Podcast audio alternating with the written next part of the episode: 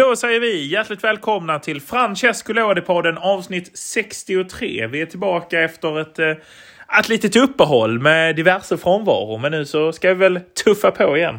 Ja, vi siktar ju in oss på det efter eh, lite sjukdom sådär, lite flyttarrangemang och, och mycket, mycket arbete. Så, eh, så är vi äntligen tillbaka för att, för att fortsätta vårt helhjärtade fokus på den på de italienska lägre serierna här och ja, det känns skönt att vara tillbaka verkligen. Det, det känns som, det känns som det var ett tag sedan nu. Ja, men det gör ju det. Det är ju, men så är det ju när vi kör det här ideellt. Ibland så räcker helt enkelt inte tiden till. Det har varit mycket övertid för oss bägge och det har varit det ena och det andra. Men det, det kanske lyssnarna inte är jätteintresserade av att höra om. Våra, våra jobbsituationer. Så att, nej, nej, vi lämnar det därhän så att säga. Ja, men vi gör det. Och då tar vi oss in till eh, Catania som vi har en extra lupp på.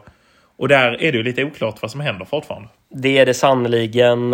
Det har ju hänt grejer i alla fall sen senast vi hade uppe den här bollen och eh, Eh, det har ju kommit ut en eh, kommuniké från, eh, eller snarare ett pressmeddelande från spelarfacket här som som förtydligar lite den prekära situationen laget sitter i och vad som nu kommer behöva göras framgent här för att kunna, kunna få till någon typ av verksamhet.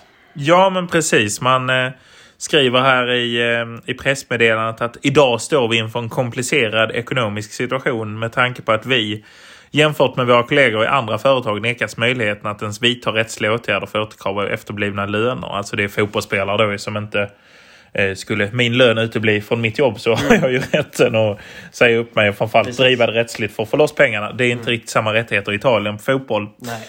Slag då. Eh, men så det man då lyfter här är ju att hur de ja, men med tanke på eh, bristen på svar så vill man ha eh, ett formellt möte med konkursförvaltaren som just nu helt enkelt driver klubben. För att det är ju en konkursförvaltare som har hand om det. Så är det ju och eh, det här är ju en fråga som eh, helt enkelt kommer att fortgå så länge läget är oklart på det här sättet. Så länge spelarna inte får ut sina löner så, så eh, vet man inte riktigt ännu heller vad som kommer ske här med, eh, med klubben. Det vi vet är ju att man eh, fortsätter att uh, spela på i Jornesy och har Potenza här till helgen på söndag och uh, det är uh, helt enkelt det man siktar in sig på i nuläget även om det såklart är, är en, är en tung tid och det mesta pekar ju på mm. på Serie D nästa säsong då och en helt uh, nystart av klubben. Eller man vet ju inte, det kan ju bli som med Kev också att, ja. att allting upplöses sådär. Så att uh, fortsatt oklart även om man fått lite mer kommunikation och, nu från uh, Calcio Catania-håll. Ja men precis, det är ju fortfarande inte kommit in någon ny ägare och det är ju där problemet fortsatt kvarstår. Det är ju en klubb som ju gick i konkurs i december och som inte har hittat någon ny ägare fått över konkursboet och eh, betala tillbaka löner och andra fordringar som ligger ute. Så just nu är det ju ja, det är ett sjunkande skepp. Det är helt enkelt en, ja, ett konkursat företag. Så att, eh, ja. sorgligt. Ja men verkligen. och, och även här i, i pressmeddelandet så, eh, så hintar man ju fortsatt om den här försäljningen då som ju inte verkar bli av helt enkelt av klubben utan att, mm. utan att det, det verkar inte vara så många intressenter där som eh, som finns tillgängliga i nuläget eller som är intresserade av att, av att gå in med, med pengar i klubben. Eh, men som sagt, det, det finns, eh, finns väl fortfarande vissa typer av möjligheter eh, att kunna gå kring det här. Men vad ska man säga, snaran dras åt nu rejält. Här, på Calcio Catania säga att det här var ett pressmeddelande som släpptes den 24 mars och det är ju det är färskt. Det, ja, det, det är ju ganska färskt här. Vi spelar in den eh, 30 kan vi väl säga och det här lär väl släppas den 1 april. Mm. Eh, troligtvis. Eh, och... Det är inget aprilskämt det här kan vi Nej, det, det är svagt aprilskämt i så fall. Otroligt hårt eh, i så fall. Ja, ja. Nej, men eh, som sagt, eh, vi får väl se hur det blir med den här försäljningen. Och då snackar man också om sportgrenen av Catania. Jag vet inte om det går att dela upp företaget på något sätt så att man kan bli av med lite skulder genom att trixa och fixa det. I Italien är man ju bra på sånt så att det skulle väl inte vara någon omöjlighet att någonting sånt gick att göra. Men eh, det är det vi vet just nu om eh, Catania och om eh, CEC-läget. De spelar på och det är match igen på söndag. Precis, och i vevan av det här så har det ju kommit upp ett, ett nytt emblem som ju inte är officiellt för fem öre utan som är något form av ja, men av påhitt här då ifall att eh, klubben då skulle få starta om och man får börja om på nytt. Och finns det ju regler kring det där med med emblem och liknande. Med att man får, kan inte behålla sitt mm. klubbmärke och man, om man bildar en helt ny förening och sådär. Så man startar om på en ny kula och eh, ja, Ja, det är ju inte det fräckaste man har sett. Nej, det var ganska likt så som Palermos nuvarande märke ser ut. Och det är ju inte som man hurrar och jublar direkt. Och dessutom var det oklart med klubben. Eh, är väl bildad 1929 men man hänvisade här till 1946 när det fick sitt nuvarande namn. Och, ja, lite märkligheter i det där klubbemblemet. Ja, i och med att då 1946 har ju en väldigt stor del av klubbemblemet mm. i den nedre delen av det här, eh, det här märket. Ja, nej, men dystra nyheter ändå får vi ju säga. Det var väl inte riktigt det vi som, som hoppades på en, på en positiv utgång av den här situationen för Catania ville ha. Men eh, som sagt, ingenting är spikat ännu. Nej, ja, men så är det. Så vi får väl eh, hålla utkik och se, se hur det går vidare här. Um, om vi eh, då hoppar vidare till, till Serie B så kan vi ju säga att det är um, Ja, vi har ju sagt det hela säsongen här, men det är ju kanske det jämnaste CB någonsin. Sannerligen. Det är inte många år vi har den här eh, otroliga otroliga toppen av tabellen där eh, det alltså skiljer 10 poäng mellan lag 8 som är Ascoli och lag 1 som är Cremonese nu som mm. sen senast vi eh, spelar in verkligen har, mm. har lyft. Och, och eh, fem poäng mellan femman och ettan för att lägga till ytterligare. Ja, det, ja. det är en otrolig dramatik här som, eh, som vi kommer få, få avnjuta får man ju säga resterande del av våren här. Så ja, det ska bli otroligt, otroligt intressant att se vart det barkar. Cremonese såg man ju till exempel kanske inte var ett av de lagen som skulle sticka upp där och, och hota. Men det, det har ju skiftat nu. Det, jag tror det är uppemot sex lag som har legat på första platsen den här säsongen. Så, ja. ja, och det är verkligen helt öppet om de här eh, två platserna med direkt eh, uppflyttning. Man kan ju liksom ta en jämförelse med Serie A-toppen där vi tycker det är fyra lag som är med om slåss om det nu. Där vi då, då ska man komma ihåg att Inter som vi tycker är väldigt nära Milan ligger Ja, men de har längre till eh, första platsen än vad Brescia på femte plats här har till första platsen i Serie B. För att sätta det i perspektiv. Ja, och Brescia har ju verkligen eh, roterat runt nu det senaste. Nu fick ju Pippo till sist gå. Ja. Efter många om och men så, eh, så blev situationen ohållbar i Brescia och eh, gamle gode Corini tillbaka. Ja, Ja, men det är, det är härligt med Corini tillbaka. men är det liksom hans 150 session i klubben? Det, ja. Man undrar också, tröttnar han inte själv på att... Det känns som att han har något form av luddigt kontrakt med klubben som gör att han hoppar in. Eh, ja, det är väl hans det är väl tredje säsongen han är inne och rullar nu här eh, på tränarposten. Mm. Det, han måste väl också själv vilja ha, testa nya möjligheter till andra klubbar än att bara ja. göra det här Brescia-gigget eh, hela tiden. Ja men precis. Och spelarna också så här. Det här med ny röst måste ju liksom... hur jävla många nya röster kan man ha? Till sist blir också det en vardag. Att ja, det står en ny jävla skallig gubbe i hörnet och håller i det här. Ja ja, vi kör vidare. Ja men man kan ju dra det till att till exempel Örgryte här i, i Superettan i Sverige. De har ju eh, Börjesson där som är någon form av eh, form av eh, ledare i klubben som ju hoppar in ofta när det krisar och, och, och, när en coach får sparken så tar han ofta någon form av interimroll innan en riktig interim är på plats. Eller, eller så ibland så har han varit interim faktiskt.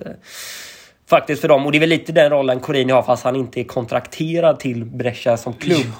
Han, ja, och framförallt har han ju högre ambition. Det är inte så att han går in i någon assisterande roll. Under det är inte som Andreas Oeli i Roma som hade liksom det här att han under en tioårsperiod var liksom assisterande men kunde hoppa in när det krävdes. Som ju sen ville flyga på egna för ben och jag blev hyfsat igen på det just nu i varje fall. Men, Det får man ju verkligen säga. Nej, den rollen eh, den ser man inte lika mycket i, eh, i Italien eller i, den ser man ganska sällan generellt i fotbollsvärlden. Just den här. eh, Vi hade ju Lee Baxter också om vi ska återgå till, eh, till, till allsvenskan som också var inne ibland där i, eh, i AIK. Um, Gamle målvakt. Gamle målvakt. Bland de sämsta i Allsvenskan sägs det ju. Först målvakt i Malmö FF och AIK ju under korta perioder. Och, eh, var det, eh, jag är dålig på det här men det var väl motståndarfansen som ropade så här sopa och så slutade och sämre och sämre ord och slutade med Lee Baxter för det var liksom den värsta förolämpningen. Ja, ja, men det, det känns som det, det ska han ha. Man kan ju dra en... Det ska han ha. Hårt men mot Lee. Ja, Stuart Baxters son ska vi säga Ja, också. jo, ja, men det är klart. Li, Li har säkert en vända i Italien. Jag vet faktiskt inte. Men man kan ju dra det till några av Brescias keepare här de senaste säsongerna. Minelli nu i Ascoli till exempel. Har ju varit väldigt kass. Inte minst eh, Lorenzo Andrenacci. Mm. Denna, denna bre- truppspelare som ju eh, ja, är nog en av de svagaste. Som vi faktiskt fick några fighter i Serie A till och med. Och gjorde, ju, gjorde ju inga vidare insatser där. Och så har vi Linnér i GIF Sundsvall. Ja. Det är ett jäkla lag Brescia och ja, men- Skrabb har ju också lämnat Brescia. Det är ett synd ju. Men ja, faktiskt. Det får man ju säga. Jolonen still going strong där. Och, ja, det, han ska inte till Kalmar. Nej, precis. Men man vet ju aldrig faktiskt. Eh, Ja, nej, men som sagt. eh, Corini in och eh, ja, vi får la se vad som händer. Snart står väl kanske Diego Lopez ja. där. Så att eh, ja. Ja. Ja, hade inte David Nicola tagit Salernitana hade han väl också varit ett alternativ där. Och Del Neri har säkert inte gett upp tränarkarriären. Man tänker så här varje gång att nu är det väl över för Del Neri. Eh, var allas vän, den gamle Sampdoria-tränaren. Det är väl enda stället han har firat framgångar på för ja, snart 15 år sedan. är det väl. Eh, och, eh, men eh, fick ju, var det förra säsongen, han fick en fin sportchefsroll i Brescia. Det var ju en väldigt deppig tränare. Så Han skulle in och få en långsiktig roll. Men naturligtvis så skeppar de ju tränaren inte på hans bevåg redan innan säsongen har börjat. Han får kliva ner och ta det. Får två matcher, ett kryss, en förlust, får sparken. Och så tänker man nu är det väl över. Men vi ska komma ihåg att mellan hans uppdrag inom fluffigt inhopp på typ fem matcher i Genua och innan han tog över hela Verona så gick det typ fyra år. Så att vi ska inte ge upp på Del Nero. Han kan komma igen. Nej, precis. Jag menar, vi ska kolla den tyska här också så såg vi ju eh, Felix Magath ta Hertha Berlin här eh, för några veckor sedan. Så att nej, vi ska nog inte ge upp på, på Del Nere. Han är inte på någon, han är någon form av Ja, vad ska man säga? Han är, han är någon, ingen savann är det ju inte utan det är mer att han har lagt sig i någon form av kylrum och... Han var så het innan så han kylade ner sig lite. Vänta på Tinas upp här om, eh, om några år kanske igen så... Ja, ja. ja, man vet aldrig. Kanske lång och trogen kör. Man ska inte skratta för mycket nu med tanke på eh, Simone Inzagis sviktande form i Inter. Så Peppe Marotta och Luigi Del Neri var ju ett kamperande team ihop när de kom till Juventus. Man vet ju inte här en förlust, stor förlust på söndag och samtalet kommer. Kan du lösa det säsongen ut? Luigi, du har gjort det förr. Ah, gud. Vad hade du känt i ett sånt läge? Ruggig besvikelse får man ju säga.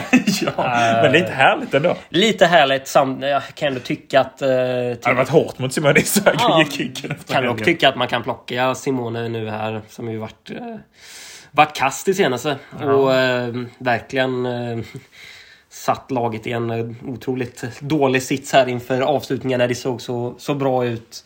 Så, ja. Men då skulle man ju... Ja, det är klart, då blir det någon form av antites mot vem, eh, vem Inzaghi är med Del Neri. Det blir någon helt typ av... Från en ganska ung, fräsch 4-4-2 kommer in och kör Ja med men, järnet. ja men varför inte? Det här liksom 3-5-2 eh, som eh, Inzaghi har, rattat här som man kört vidare på sen Conte. Ja men kom, kom in med kom in en liten äldre herre där och, och, och, och visa vad skåpet ska stå. Ja, det kan ju faktiskt vara rätt. Det är ju det är ändå lite med de här rutinerade, just de italienska coacherna. De har ju ganska bra de har ju ganska bra, vad ska man säga, mm, eh, ja, men de har ju de har stor respekt där ute. Vi ser ju. Ancelotti till exempel som efter efter ganska svaga år i England till exempel där med Everton kunde bara plocka Madrid-jobbet och Mm. ja, det är ju någonting med visheten bland de här äldre Absolut. Ventura man- kanske man inte ska leta på men... Nej, och man ska kanske göra skillnad på Ventura och Del Neri ska väl snarare in i samma fack än vad Ancelotti ska in i deras fack. Eh, Känns det som. Men, Jag, eh, jag drog med en Ja, åldersparallell. jag, jag förstod det. Ja, nej, och det kan ju gå vägen som vi säger Ancelotti. Mm. Fantastiskt. Sen kan, finns ju också det här när man ska ringa en gammal eh, spelare. Juventus hade ju Chiro Ferrara eh, säsongen eh, 09-10 och det gick ju åt eh, rätt käpprätt åt helvete. Och Mm. De ska sparka honom. Ringer ju då upp en i stort sett pensionerad Alberto Zaccheroni ska in och glider in lite skönt sådär med svartvit bild som liksom profilbild för hela det här. Och det går ju Fina. Nej, f- fan löser han en sjunde plats då det var värre när han klev in liksom och åker ur Europa League och får liksom inte igång de här gubbarna. Ja, och jag menar, nu diskuteras det ju Cannavaro Lippi efter... Ja. I, i Italiens väldigt deppiga uttåg där på, på Barbera. Det där sena målet av ja. Ja, fina, fina Trajkovskij. Och gillade man ju när han spelade i Palermo där. Ja, ska vi ta och hoppa dit Ja, men jag till tycker det. Italien? Att, vi eh, tar väl det- det hoppet. Ja, men precis. Och det blev ju ett uttåg här mot Nordmakedonien efter... Ja, eh, lite liknande. Vi ska inte göra någon jämförelse i övrigt, men vi har ju sett ett par sådana matcher nu Från lag som jag sympatiserar med. Och vi har Juventus mot Villarreal. Man har spelövertag, men man kommer inte till chanserna och slutar med att man förlorar 3-0. Vi har ett Italien som gör en liknande, mycket spelövertag. Målchanser. Får inte dit bollen, förlorar. Sverige gör en liknande mot Polen här i veckan också. Alltså, Mm. Nej, men jag har en tanke kring det här att det har blivit en väldigt stor omställning den senaste tiden med borttagen, borttagna bortamål till exempel och som vi med i Champions League-spelet som du är inne på där med Mm. Juventus Villarreal och här då med en match istället för två matcher. Det här den, just det italienska, det taktiska som man har varit så duktig på med kanske spela på bortamål till exempel som Juventus då hade fått Mm. från den första matchen. Och Italien då i det här läget istället för att taktiskt kunna utmanövrera ett lag över 180 minuter så behöv, var det en match där det var allt eller inget som en ren final. Och jag tror den omställningen eh, den har varit svår just för många italienska lag i och med att man spelar på det sättet ofta att man väldigt taktiskt manövrerar matcherna över, över hela spektrat och att man gärna jobbar med de här små fördelarna man kan hitta som till exempel bortamål eller eller liknande, eller att man har, har en hemmaplansfördel eller liknande i, i match två som vi både då... Eller som Juventus hade och eh, ja, som även då Italien hade eh, mot Nordmakedonien. Mm. Ja, ja, jag håller med. Och sen så, ja, sen i, vad det gäller Italiens uttryck, det finns väl någon... Man spelar inte jätte... Man missar ju för mycket chanser och det är ju för dåligt att man ens är i det här playoffet. För att skulle man inte åkt mot Nordmakedonien skulle man förmodligen åkt mot Portugal sen i ett senare skede. Men att man sätter sig i de här situationerna och den arrogansen som kanske visas upp ifrån spelare. Och ja, Mancini ska väl inte avgå för man ska komma ihåg att han tog ett EM-guld för mindre än ett halvår sedan. Men, men det är ju... ehm, ja, att man hamnar i de här situationerna gång på gång Italien. Liksom. Det, Ja, ja men det är...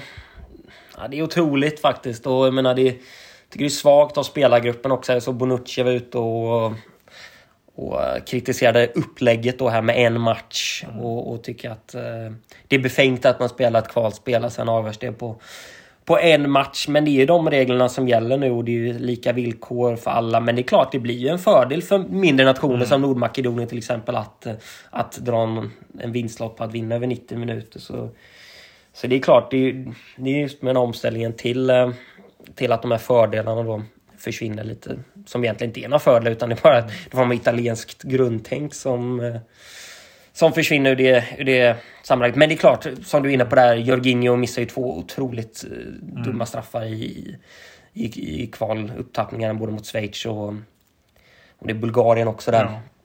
Som gör att man tappar det här eh, överläget. Så det, ja, man förlorar ju där, det är samma, precis som Sverige också. Man Ja. förlorar ju i kvalspelet, ju inte i playoffet. Nej, precis. förlorar. Och det är väl, eh, ja, men det som väl är, jag hoppas nu att man inte får någon panik. Och det sämsta som kan hända är att Fabio Cannavaro och Marcelo Lippi ska in och köra detta. Herregud. De har redan testat Nej. att ta tillbaka Lippi en gång. Det gick inte sådär superbra i VM 2010. Ja, men När han skulle liksom in med Jaquinta och Gillardino långt över deras slutdatum och springa runt med dem på topp 2010. Liksom. Ja, det, och det här är ju två coacher som ju haft eh, någon form av... Ja, men som väl själva har sett sig och velat göra någon form av revolution med den kinesiska fotbollen. Och både Lippi och eh, Cannavaro har väl varit eh, huvudtränare för Kina till exempel. Utan några större framgångar där. Eh, så att eh, det är klart att den rutinen är Det är klart, Lippa har en annan typ av rutin, men Cannavaro till exempel eh, han har ju inte någon större rutin från att coacha på, på den högsta nivån och Lippis eh, tid är ju lite passé som sagt. Så ett, ett mardrömsval om man skulle gå på det spåret. Eh, Ska man göra en svensk jämförelse som man faktiskt skulle kunna göra ganska rakt av? Är det som att Olof Mellberg skulle ta över landslaget ihop med Sven-Göran Eriksson. Det är ju mm. en ganska rak... Det är väl en bra... Sådär, en som har varit fantastisk, men det var, det var länge sedan nu. Mm. Och det var en som är en mittback som är ganska misslyckad som fotbollstränare. Liksom. Ja, nej men precis. Det är, det är väl en eh, väldigt bra jämförelse. Och, äh, jag tror inte på det. Jag tror också lite den tiden är över det här med, med två... Mm. Alltså coacher på det sättet att man på något sätt delar det. Jag tror det är... Så väldigt oitalienskt också. Ja, väldigt oitalienskt. Eh, det är ju lite mer...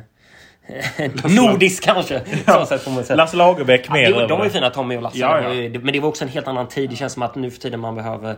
Också det att man måste se framåt. Det kan man ju också känna idag. Liksom, efter den tunga utgången i, mot Polen för svensk del igår. Så kan man ju ändå känna att man vill ha något något nytt. Man vill komma bort från eh, 4-4-2. Man vill liksom uppdatera uppdatera spelsättet utifrån spelartruppen mm. och liknande. Jag menar, I Italiens fall då har man ändå spelat en, en fotboll som ju passar, passar spelartruppen på det sättet. Så där kan man ju inte liksom skylla på det egentligen.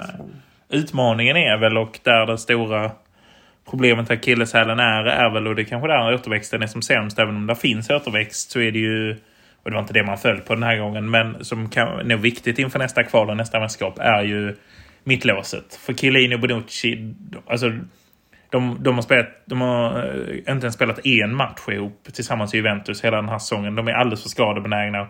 Chiellini är 37 år gammal. Liksom. Mm. Det måste vara tack och hej i landslaget. Bonucci, samma sak. Nu har du fått ditt mästerskapsguld, bägge de två. Problemet är ju vad som finns där bakom. Där finns en Bastoni som är jättelovande, men resten är ju inte...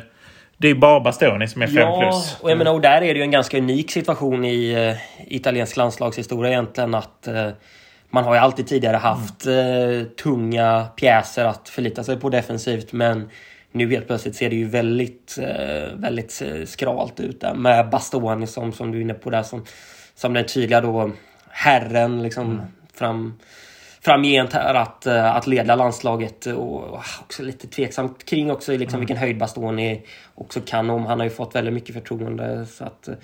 Ja, det, det, ser, det ser ut som att det är där man verkligen måste spetsa till laget. Ja, för att, för att där ser man inte... Det kommer inte fram så mycket heller. Liksom. Det, nej, och nej. de som finns här. Cherby, ja det är en okej fotbollsspelare. Också till åren. Men också till åren och inte tillräckligt nej. bra. Det är inte så att han spelar i liksom Real Madrid direkt. Och Annars är det ju de här... Men det är ju spelare som också, om jag får avbryta det, det är ju spelare som...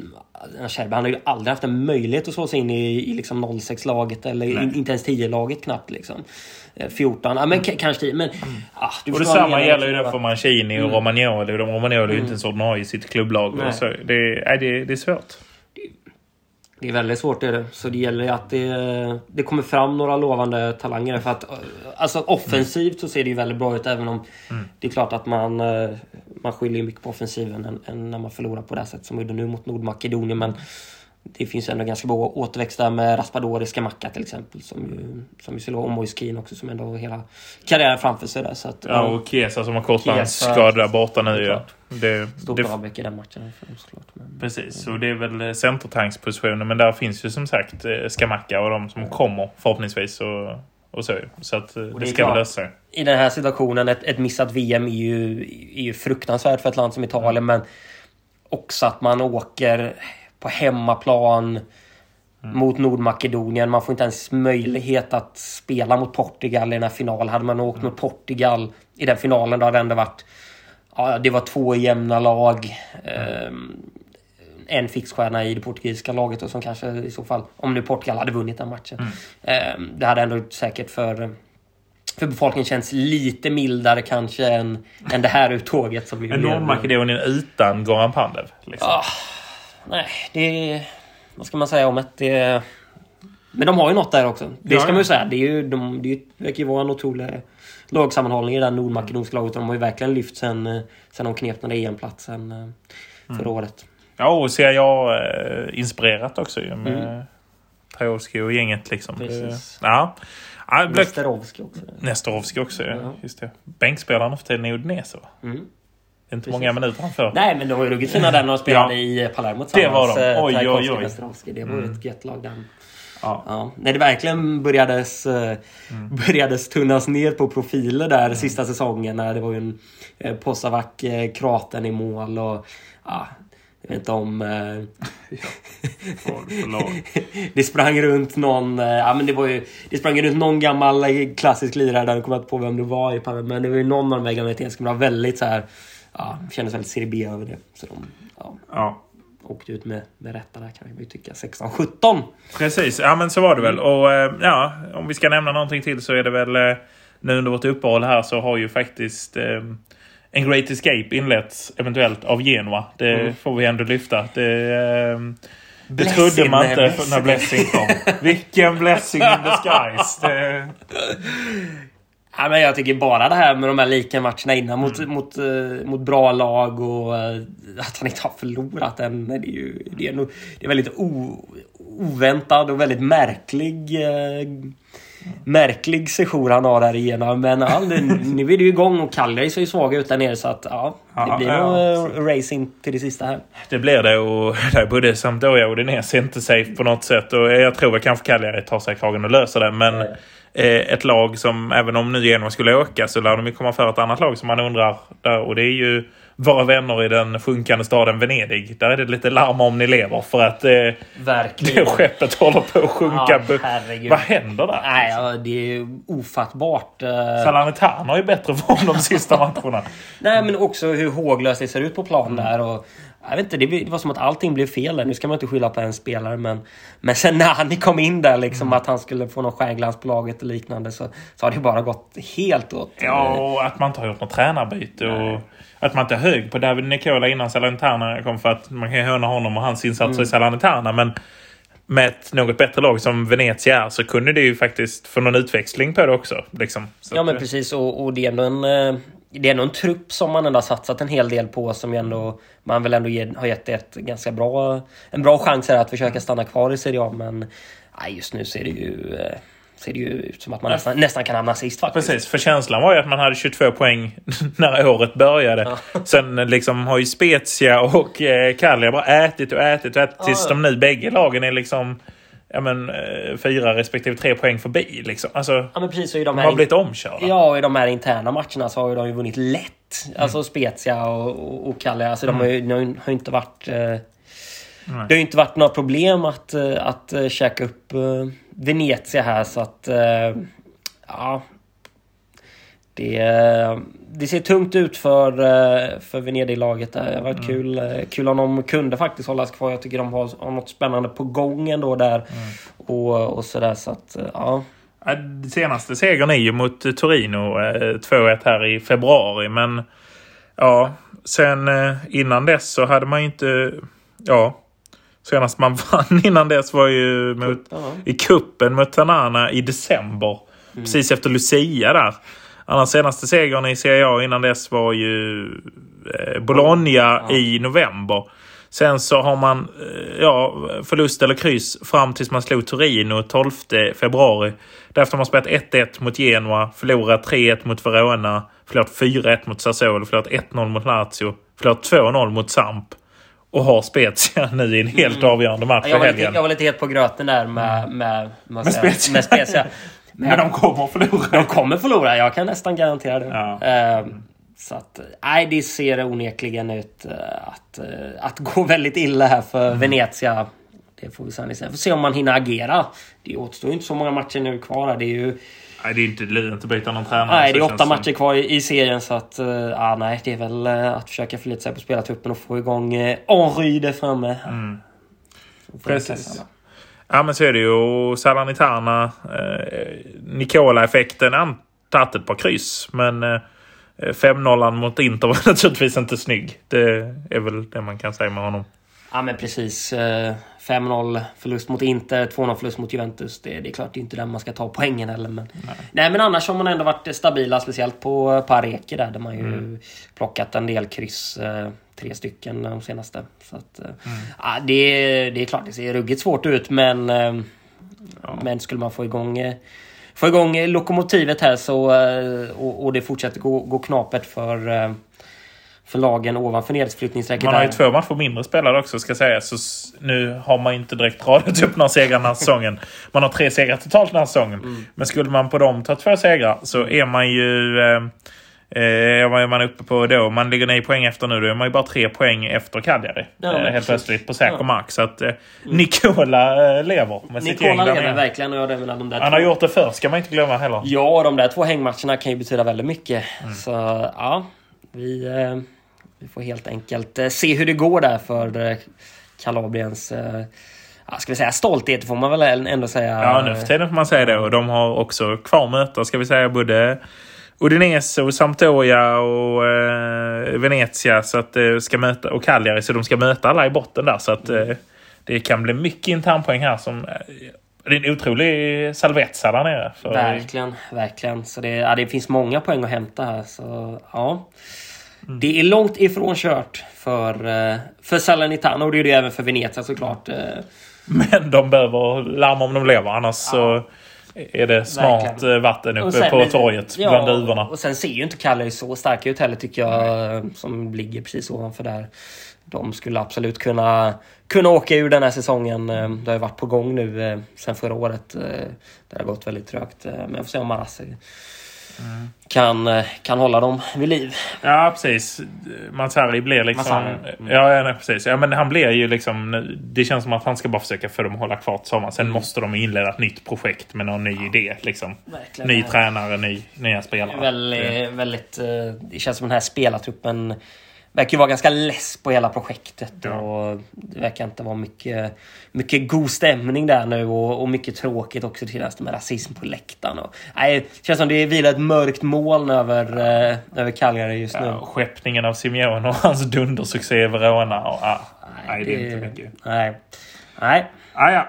Men vi kanske ska stanna där för, eh, Mm. för dagen. Ja, precis. Och vill ni skicka ett mail till oss så gör ni det på lådepodden gmail.com.